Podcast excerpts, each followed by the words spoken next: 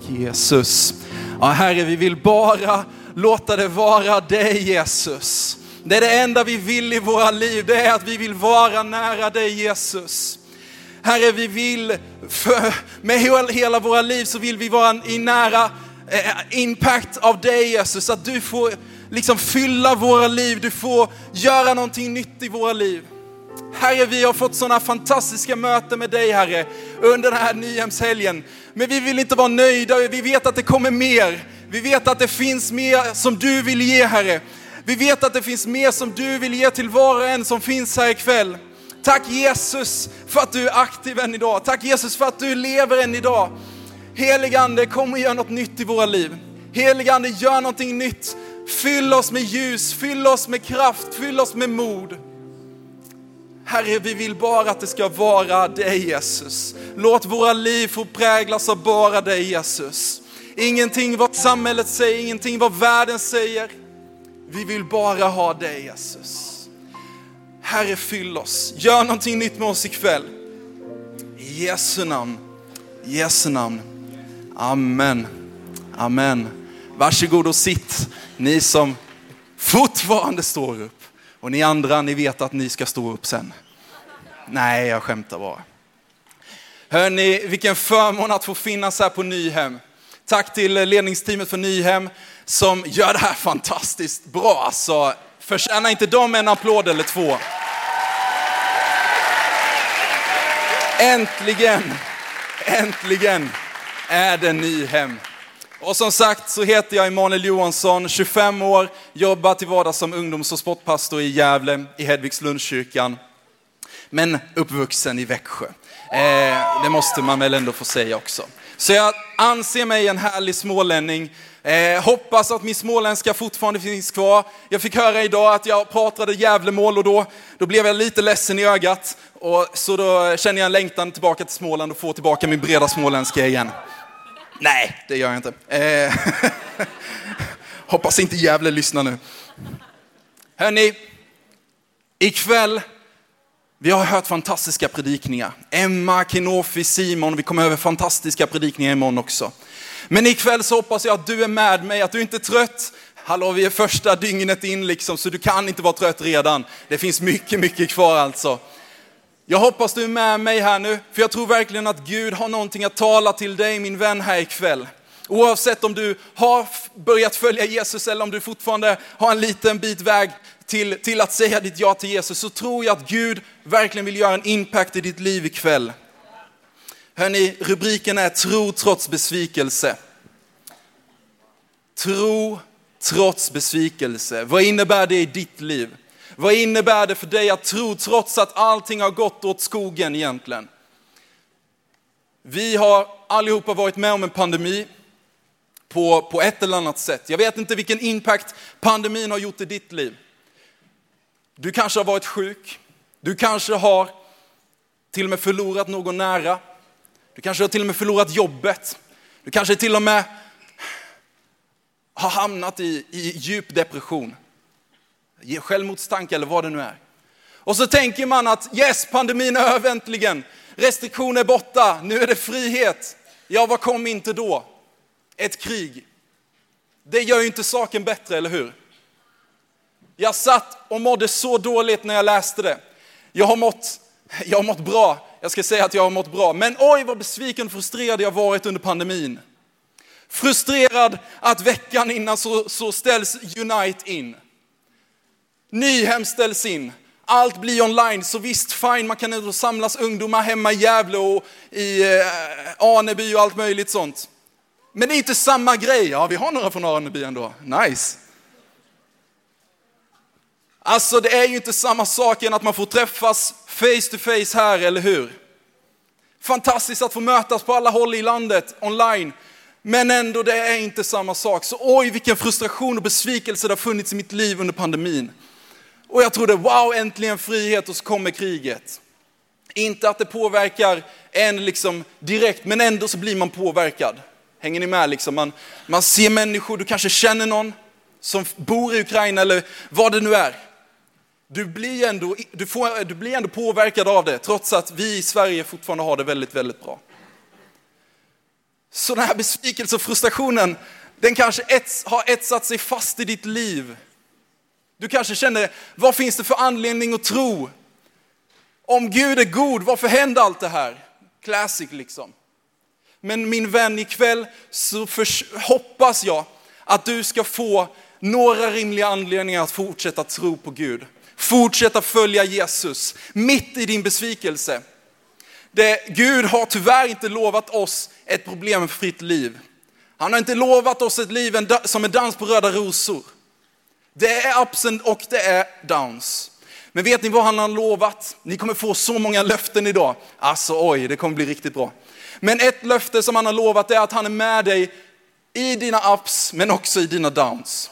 Mitt i dödsskuggans dal, jag vet inte vad din dödsskuggans dal är för något. Men Gud har lovat att han går med dig där också. Så idag så ska vi få tro så att det räcker och bli över. Idag ska vi kunna tro trots våra besvikelser. Tro trots det mörker som finns i ditt liv. Tro trots all frustration, eh, ledsamhet, modlöshet som kanske finns i ditt liv. Gud vill sätta dig fri från det där och ge dig tro trots besvikelse. Amen. Hörrni, vi ska läsa ett bibelord som start på, på det hela. Psalm 121. Den är fantastisk, så jag läser den som en början och så går vi in i predikan sen. All right? Psalm 121. Jag ser upp mot bergen. Varifrån ska min hjälp komma? Min hjälp, den kommer från Herren, han som har gjort himmel och jord. Han låter inte din fot snava, för han som bevarar dig slumrar inte. Han som bevarar Israel slumrar aldrig, sover aldrig. Herren bevarar dig. Hans skugga finns vid din högra sida. Solen ska inte skada dig om, natten, inte, eh, om dagen och inte heller månen om natten. Och här kommer det som är så fantastiskt bra. Vilket löfte som vi kan stå på här nu. Herren bevarar dig från allt ont. Han bevarar ditt liv. Herren bevarar dig var du än rör dig, nu och för evigt. Amen, amen.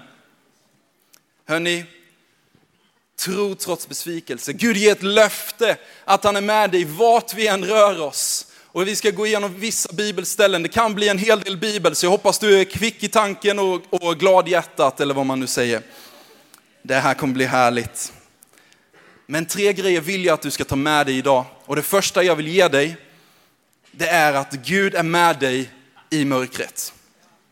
Gud är med dig mitt i mörkret.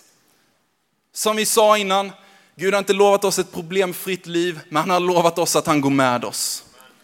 Jag vet som sagt inte vad ditt mörker kan vara i ditt liv. Du kanske känner att du är ensam, men jag lovar dig att Gud, Gud går med. Gud vill gå med.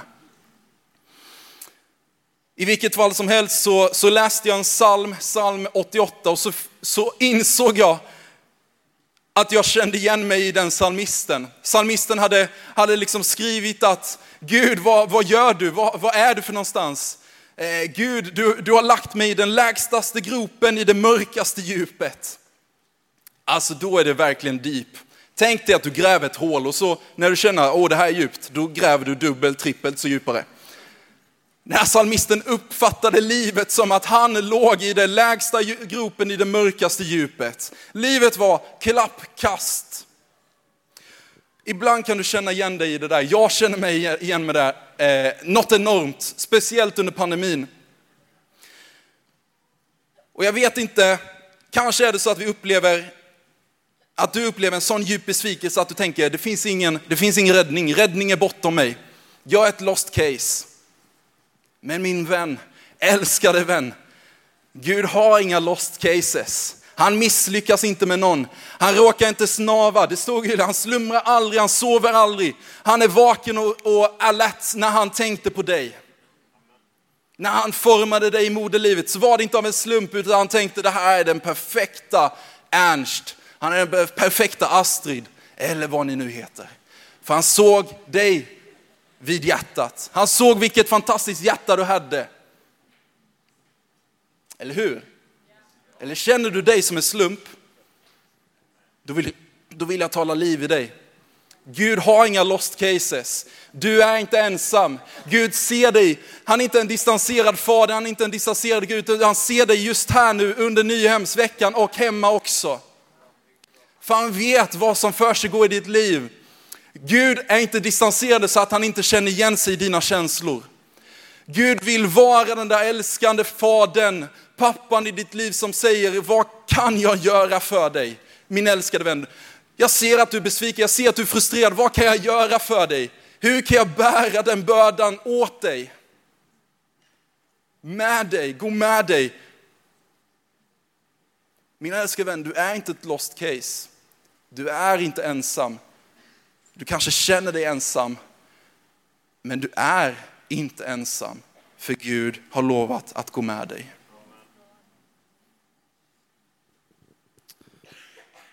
Så hörni, vem som helst kan gå igenom en säsong av lidande och besvikelse. Och det kan man också se att personer i Bibeln gjorde också. Så det betyder inte att Bibeln var frid och fröjd heller. Det fanns människor i Bibeln som sitter i samma situation som du gör.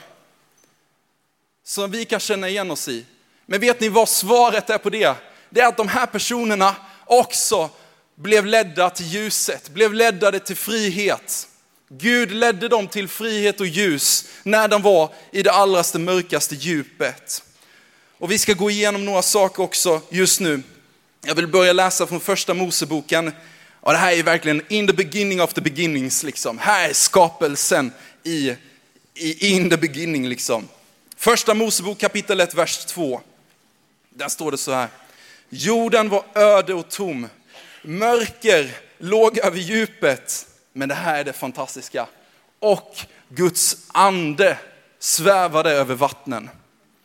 Du tänker bara, men vrickat, vad vill han med det? Jo, låt oss läsa det igen. Jorden, jorden var öde och tom och mörkret låg över djupet. Kan du tänka dig vilket kolossalt mörker det var då?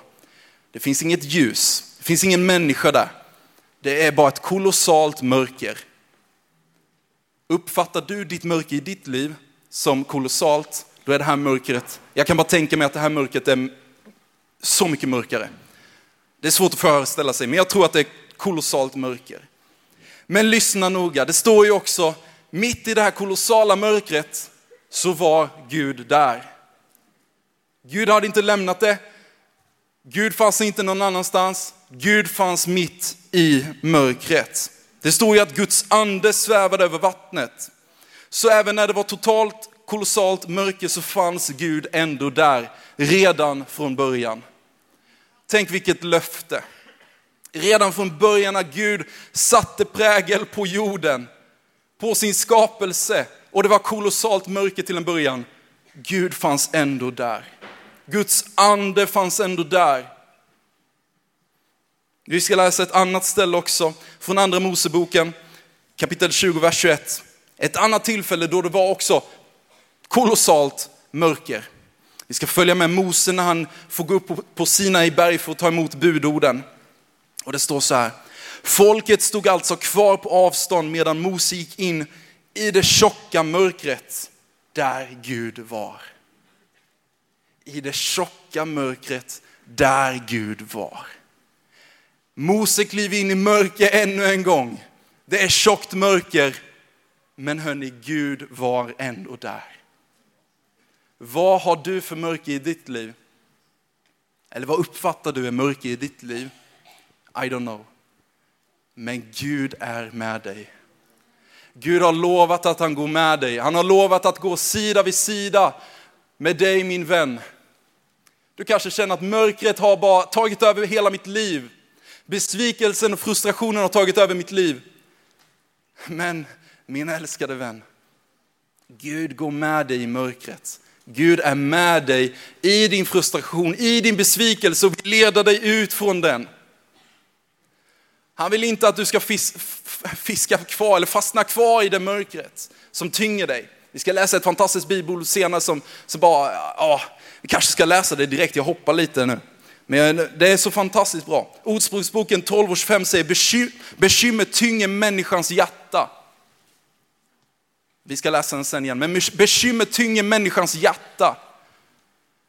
Jag kan förstå och tänka mig hur jobbigt besvikelse, frustration kan kännas.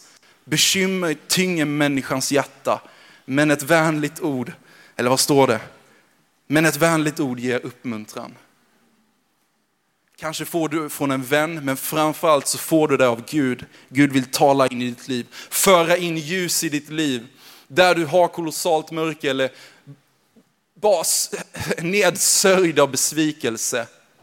Gud vill vara det där med dig. Han vill ta det där tillsammans med dig. Han vill bära det med dig och åt dig. Så hör du, du kanske känner dig helt ensam. Du kanske tror att ingen finns där för dig, men som sagt, Gud är alltid med dig. Gud är alltid hos dig. Gud går alltid armbågen med dig. Tidigare sa jag att, att Gud gick liksom så här, corona-armbåge tillsammans med dig, men nu, nu, nu är det ju kramgoa vänner här, så jag har ju kramat hur många vänner som helst, alltså helt otroligt. Så nu kan du få krama Gud. Nu kan Gud få klänga sig på dig, där du känner dig tyngd, där du känner dig att livet suger. Då slänger sig Gud på dig och säger, jag vill vara med dig. Jag vill ta det åt dig. Snälla öppna upp ditt liv för mig. Jag kan bära det åt dig. Du behöver inte fastna i det där mörkret. Du behöver inte ta dig igenom det där på egen hand, av egen kraft. Jag vill gå med dig och bära det åt dig. Och hörni, ännu en person som upplevde mörker, det är Jesus själv. Jesus själv. Som jag sa innan, Gud och likväl Jesus vet exakt hur, det, hur du känner med din besvikelse, med din frustration. Jag kanske inte gör det, men Jesus gör det. För Jesus har redan genomgått all form av frustration och besvikelse och mörker. Redan innan du har fått vara med om det. Så vem kan vi gå till, om än inte till Jesus, för att få svar? Jesus fick uppleva det värsta mörkret när han dog på korset. Jesus gick igenom det största lidandet och förnedring som möjligt. Men vet ni vad, ändå litade han på att Gud var med honom. Att Gud älskade honom. Jesus visste att även i sin mörkaste stund på korset så var han älskad av sin fader. Tror ni att det fanns tvivel hos Jesus där på korset? Absolut. Finns det tvivel i ditt liv över, över att Gud är trofast över ditt liv? Det kan det få finnas. Men Jesus var ändå trofast. Gud var ändå trofast mot Jesus och Jesus var trofast tillbaka mot Gud. Jesus litar på att Gud var där med honom. Det talas ju om att Jesus ber om att få den här bägaren, att den ska gå förbi honom. Han vet vad som kommer vänta honom när han ska dö på det där korset. Han vet vilken smärta han kommer få genomlida för att du ska få bli fri. För att du ska slippa det. För att du ska slippa den besvikelsen som du kanske känner i ditt liv. Den frustrationen du kanske upplever i ditt liv. Jesus har redan betalat priset för att du ska slippa det.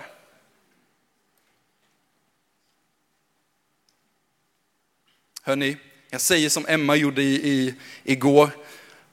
Innan du somnar så ska du få med dig det här. Helst ska du inte somna. Det finns husvagnar du kan eh, nästla dig in hos.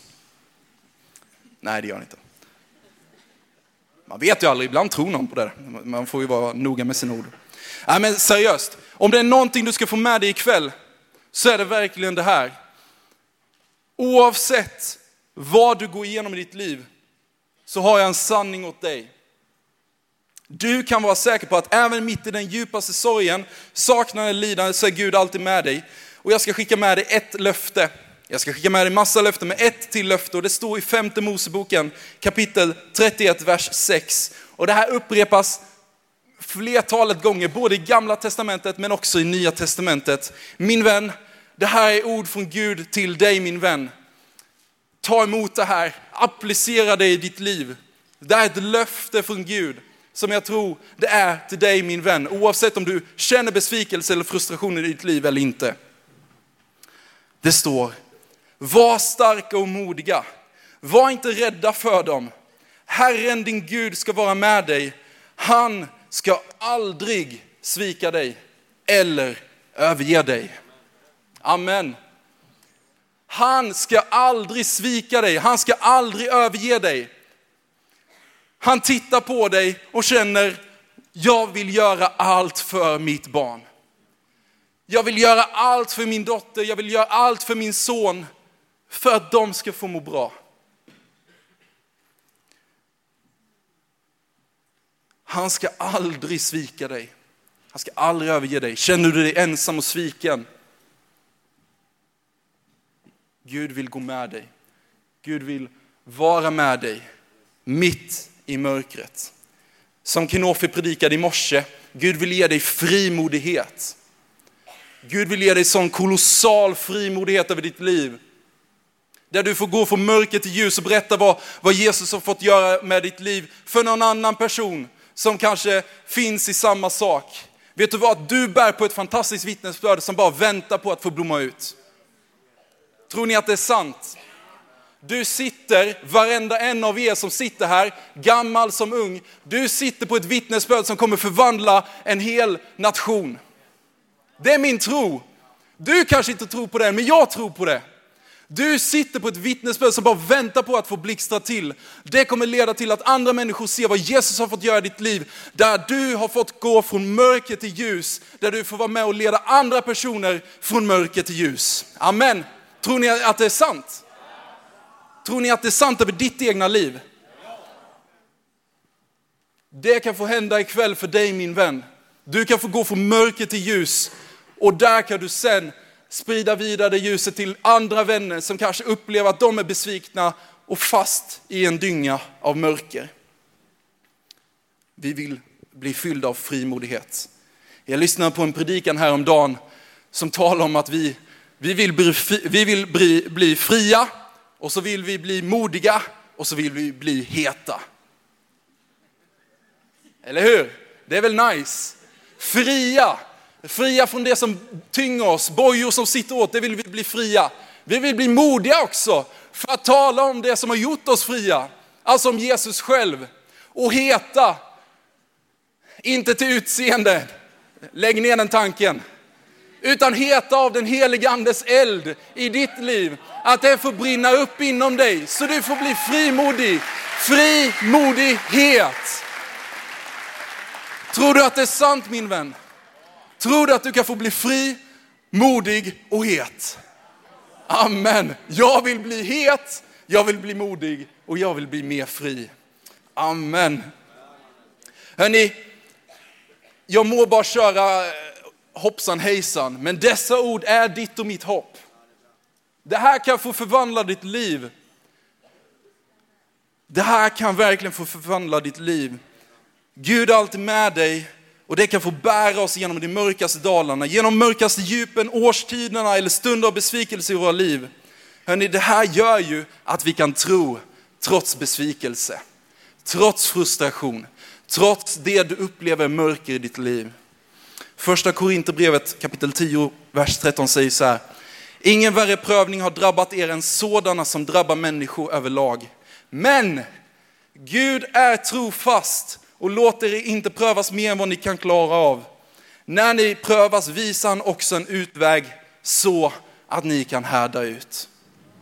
Tror du att Gud har slängt dig i en dynga av mörker så är det inte sant. Upplever du en prövning i ditt liv så lovar Gud att han kommer leda dig ur den. Som det står, Gud har aldrig, lov, äh, eh, aldrig fixat någon prövning eller så här som vi inte kommer klara av.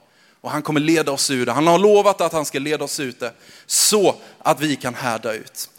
Wow, det här var bara första punkten, oj. Första punkten, Gud är med dig i mörkret. Amen.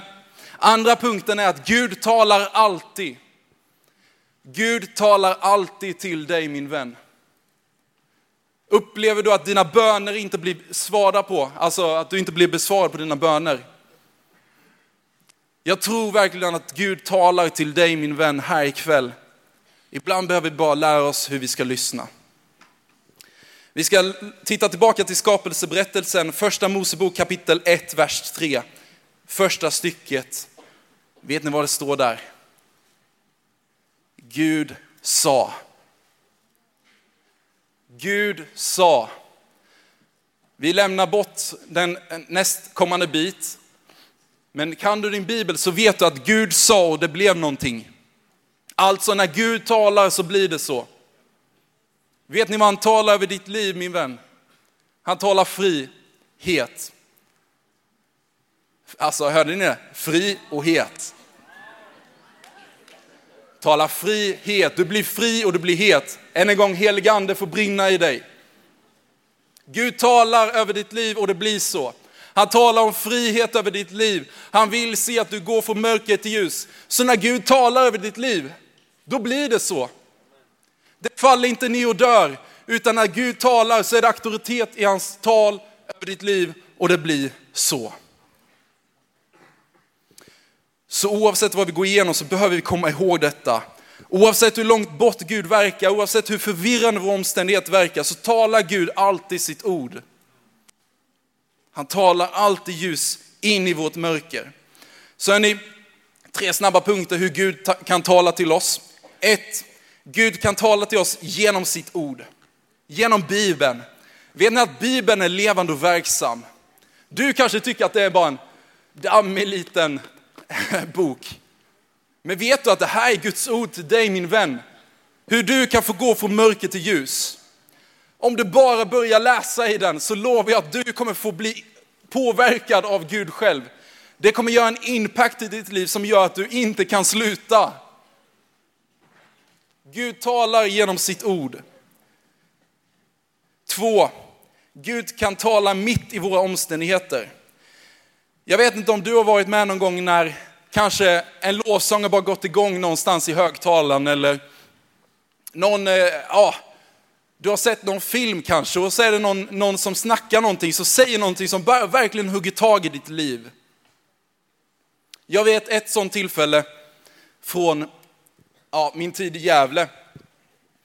Eh, jag har gått teamträningsskolan i Värnamo och ja, yes. Eh, och då eh, fick jag gå rygg på Michelle Blomqvist. Jag vet inte om Michelle är här ikväll. Kanske. Någonstans, eller så är hon med online. Jag såg Josef i alla fall. Men Michelle är fantastisk. Vet ni vad hon sa till mig och Amanda och Noah som jag teamade tillsammans? Det var att hennes andra kontor var Espresso House. Och det har jag tagit med mig till Gävle också. Det, ja, men det är så fantastiskt. Vilka samtal jag har fått ha på Espresso House när man bara sitter där och bara jobbar. Så tips till dig, gör ditt Espresso ditt lokala Espresso till ditt andra kontor. Ja, klappa om ni vill där eller. Ja, men i vilket, vilket fall som helst. Jag satt på Espresso en gång och var helt sörjd i, jag kommer inte ihåg vad, men, jag, ja, men livet var, var nere liksom. Jag tror att det faktiskt var i början av pandemin. Då satt jag där på espressauset och ja, men jobbade och allting sånt. Och mitt i den frustrationen jag kanske kände där då och besvikelse över någonting som jag inte kommer ihåg. Vet ni, då, då slogs det på en lovsång i högtalaren.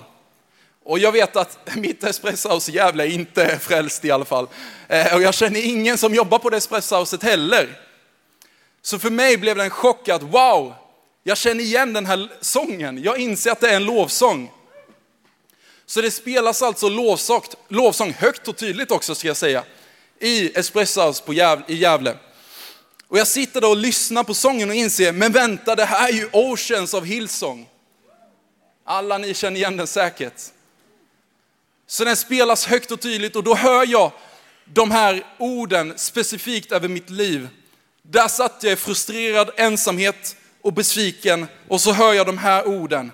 Where feet may fail and fear surrounds me, you have never failed and you won't start now. Amen. Gud har lovat att aldrig svika oss och han kommer inte starta med det nu. Tror du fortfarande att du är ett lost case? Du kan lita på det här löftet att Gud kommer aldrig svika dig och han kommer inte börja med det nu heller. När våra fötter nu må falla eller fejla och rädsla liksom omger dig, besvikelse, frustration. Gud har lovat att inte lämna dig, svika dig och han kommer inte börja med det än. De orden fick tala in i mitt liv där och då. Jag visste att det här är Gud som talar in i mitt liv. Så Gud kan tala in genom lovsång, genom speciella omständigheter, men han kan tala in mitt i våra omständigheter.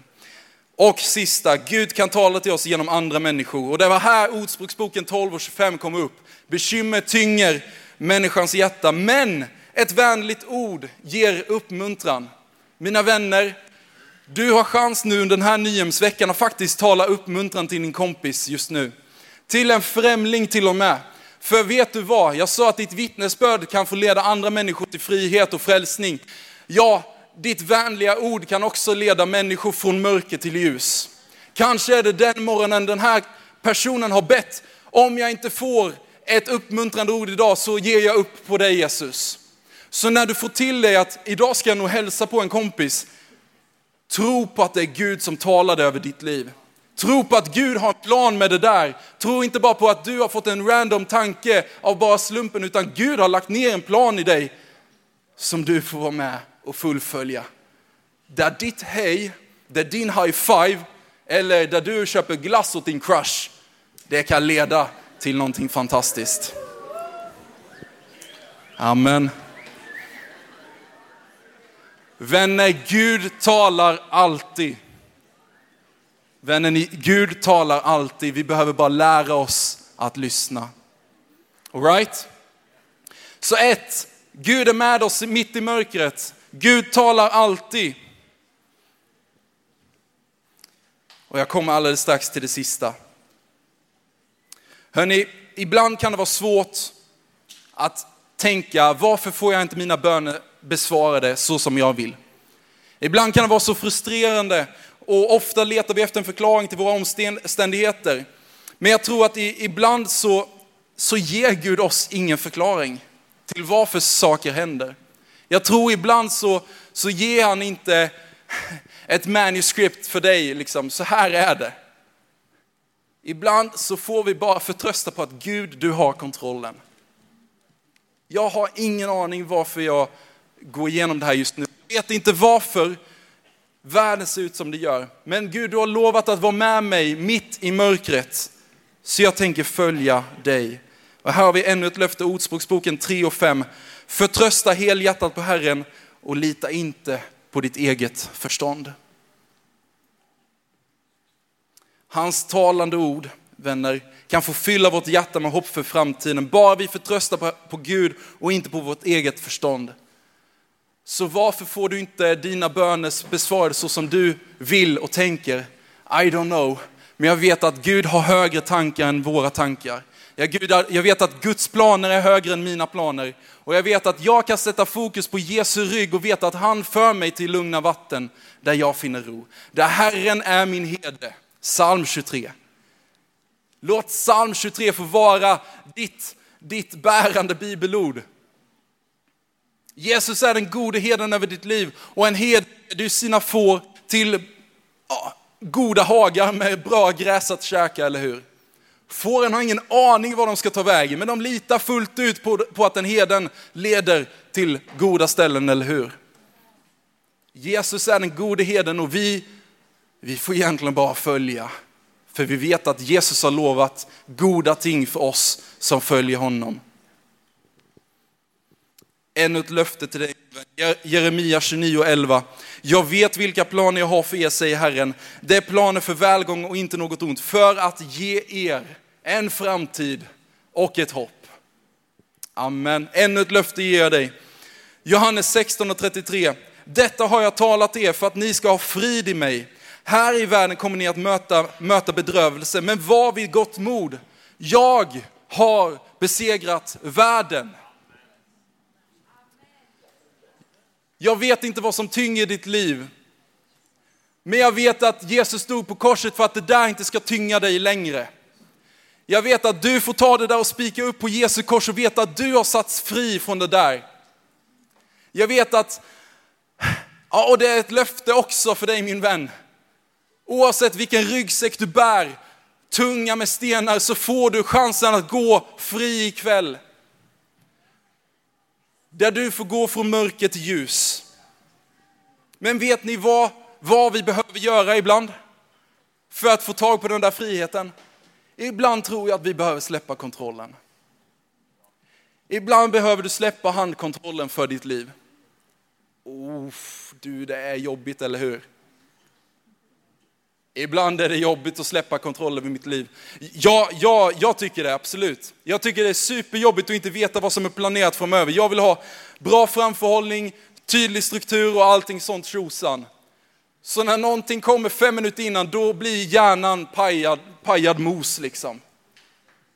Tror ni inte att det är svårt att släppa kontrollen? Absolut.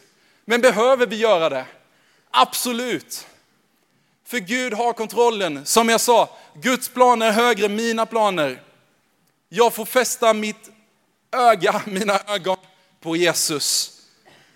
För att vi ska vara säkra på att vi kan få gå till total frihet så tror jag att vi ibland behöver släppa kontrollen.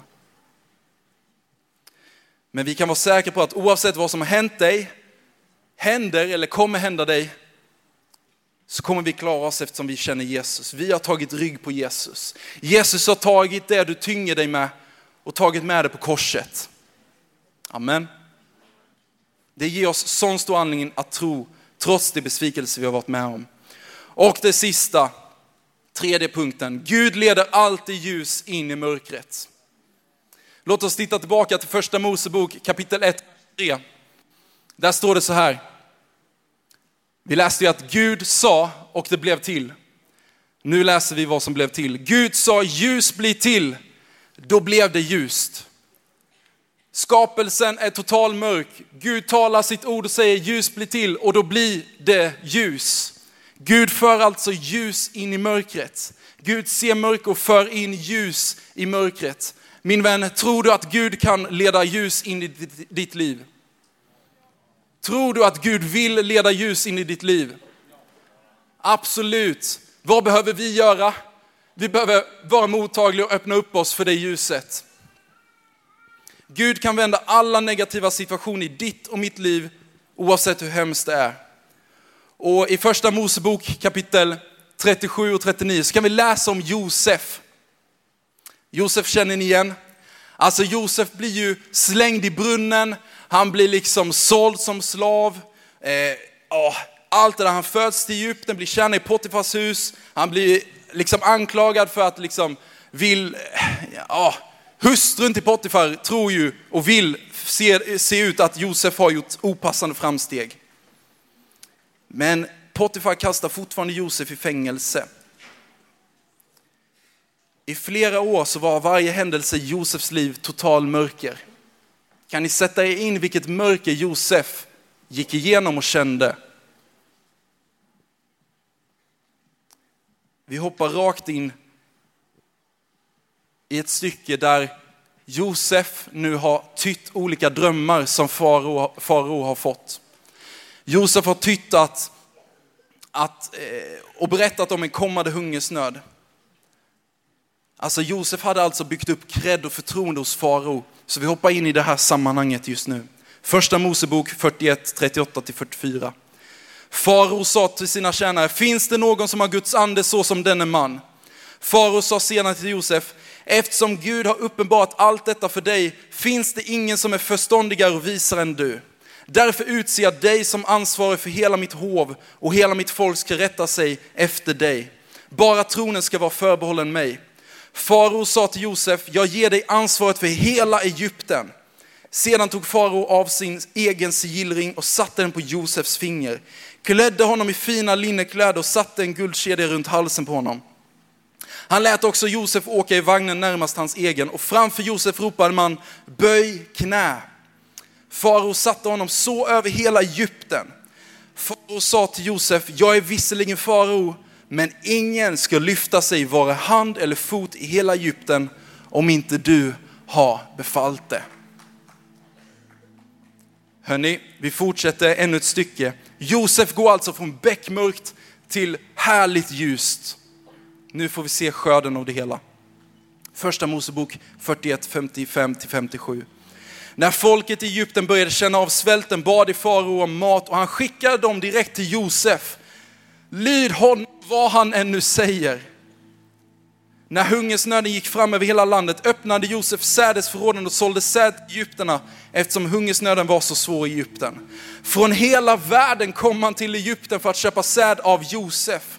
för hungersnöden var svår överallt. Vänner, är det någon som förstår och varit med om ett kolossalt mörker så är det Josef. Men se vad Gud gjorde med Josefs liv. Gud förde Josef från total mörker, liksom psalmisten sa att den ligger i den lägsta, eller djupaste gropen i den lägsta dalen, eller vad det nu var. Djupt, han var djupt ner i sörjan Josef. Men Gud förde in ljus i Josefs liv. Och han får till och med vara nästan den närmaste till, till Potifar, till farao. Gud förde massivt ljus in i Josefs liv. Och vet ni, ännu en gång, Gud förde massivt ljus ur den fruktansvärda döden Jesus upp, fick gå igenom på korset. Nu låter det konstigt, vadå ljus genom döden? Men Bibeln berättar att Jesus steg ner till jordens lägsta platser i tre dagar efter sin korsfästelse. Jesus själv var i det mörkaste djup. Känner du att du är i det mörkaste djupet av ditt liv? Vet att Jesus har redan varit där. Men det fantastiska är att även där fann Gud Jesus. Jesus är på den lägsta platsen av alla, men ändå ser Gud Jesus och för in ljus i det hela och återväcker Jesus till liv igen. Tror du att det finns möjlighet för dig att väckas till liv igen? Tror du på att ikväll så kan Gud få föra in det där massiva ljuset som kan få förvandla ditt liv? Tror du på dig själv att du kan få gå ifrån fylld med ljus istället? Tror du inte på det så kan jag tala om att det är sanning, att det kan få ske ikväll. Bara du är öppen och villig för det. Genom död blev Kristus ljuset för hela världen och du ges möjlighet till att ta del av det också. Johannes 8.12 säger så här, sedan talade Jesus till dem och sa, jag är världens ljus. Den som följer mig behöver inte vandra i mörkret utan ha livets ljus. Amen. Min vän, nu kommer du få för, för, eh, förmånen att, att gå till för, förbön. Vi ska sjunga lovsång tillsammans. Lovsångsteamet ska leda oss i fantastisk lovsång. Vi har fantastiska nya mungare som vill be järnet tillsammans med dig. Men en sista person som har upplevt kolossalt mörker är Jobb. Känner ni igen personen Jobb? Jobb är en fantastisk man. Vet ni att, att fienden antog att Jobb skulle förbanna Gud när allt togs ifrån honom? Vet ni att Job, han förlorade liksom sina barn, han förlorade sina rikedomar, han plågades av sår. Allt på en och samma gång. Till och med hans fru sa åt honom att förbanna Gud. Men ändå där, mitt i den besvikelsen, frustrationen som Job kände, var han ändå trofast och trogen Gud. Han föll på knä och var Gud. Han trodde att Gud fortfarande var där med honom, mitt i stormen, mitt i motgången, mitt i besvikelsen. Så även i den mest omöjliga situationen så tog Job beslutet att fortfarande sätta ögonen fästa på Jesus. Känner ni igen Petrus? Petrus möte med Jesus ute på vattnet. När Petrus ser Jesus på vattnet så, så tar han klivet ur båten och går mot Jesus. Petrus går alltså på vattnet. Han möter Jesus och inser liksom, vad händer i livet? Vad gör jag här ute? Och han börjar sjunka. Vet ni vad Petrus respons är där mitt när han tvivlar? Han sätter fokus igen på Jesus. Jesus sträcker ut sin hand och drar honom upp igen. Min vän, din respons just nu, du kanske känner att du börjar sjunka i vattnet. Vilken respons vill du göra? Vill du fortfarande klara av det av egen kraft? Eller vill du slänga ögat mot Jesus och säga, hjälp mig. Jag klarar inte det här själv. Jag behöver din hjälp. Min älskade vän, det är inte över för dig. Du är inte ett lost cause. Du är inte ett lost case. Det finns hopp för ditt liv. Vi talar om hela här nyhemsveckan för en ny tid. Det finns en ny tid för dig också. Gud har förberett en ny tid för dig min vän.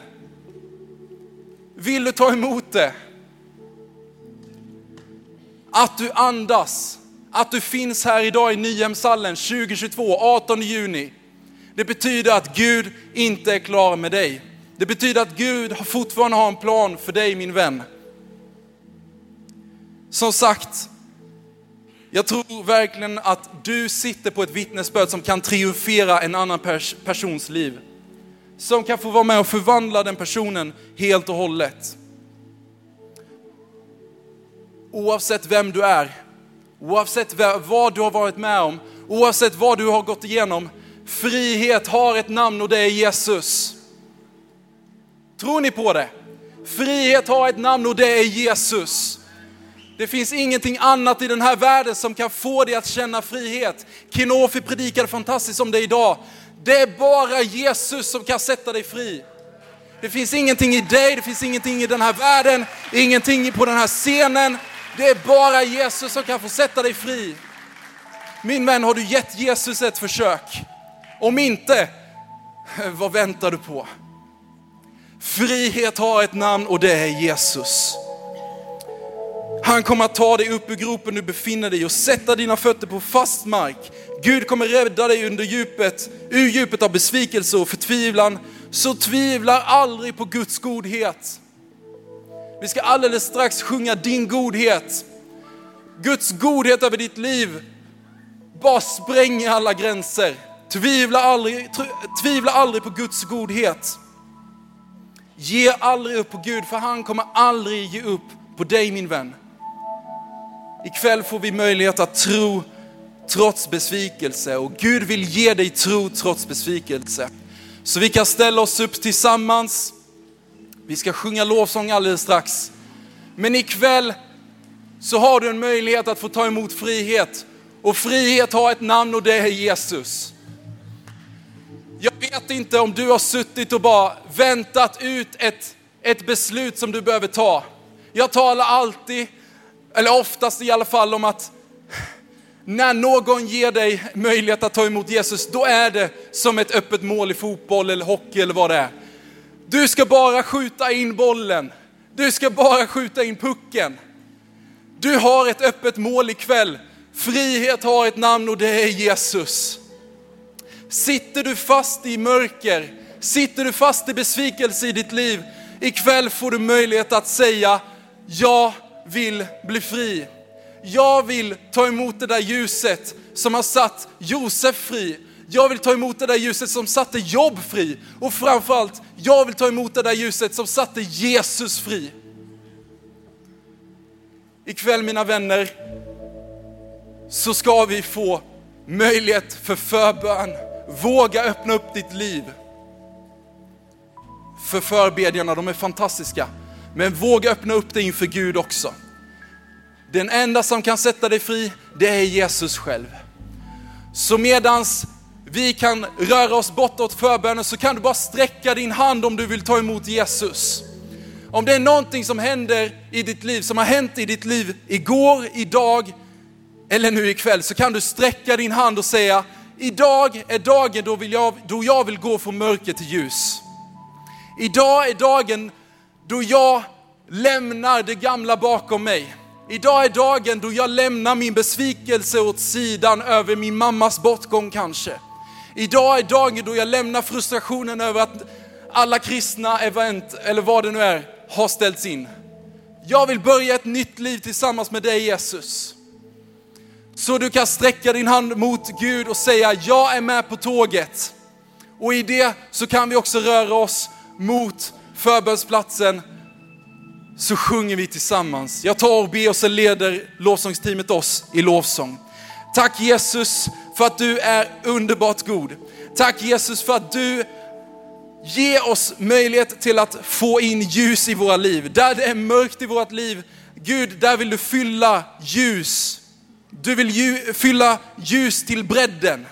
Herre, där vi upplever att vi är brustna, där vi är, är frustrerade, där vi är besvikna kanske på situationer eller på dig Fader. Herre, låt oss få lägga det åt sidan i detta nu. Herre, ikväll vill vi möta dig precis som vi är. Så brustna eller så hela vi är. Men Herre, vi vet att vi kan få förtrösta på dig och veta att du har en framtid full av hopp för oss. Herre, frihet har ett namn och det är Jesus. Vi vill ta emot dig Jesus ikväll. Tack Herre för de heliga besluten ikväll. Herre, gör ditt verk i oss ännu mer. I Jesu namn. Amen.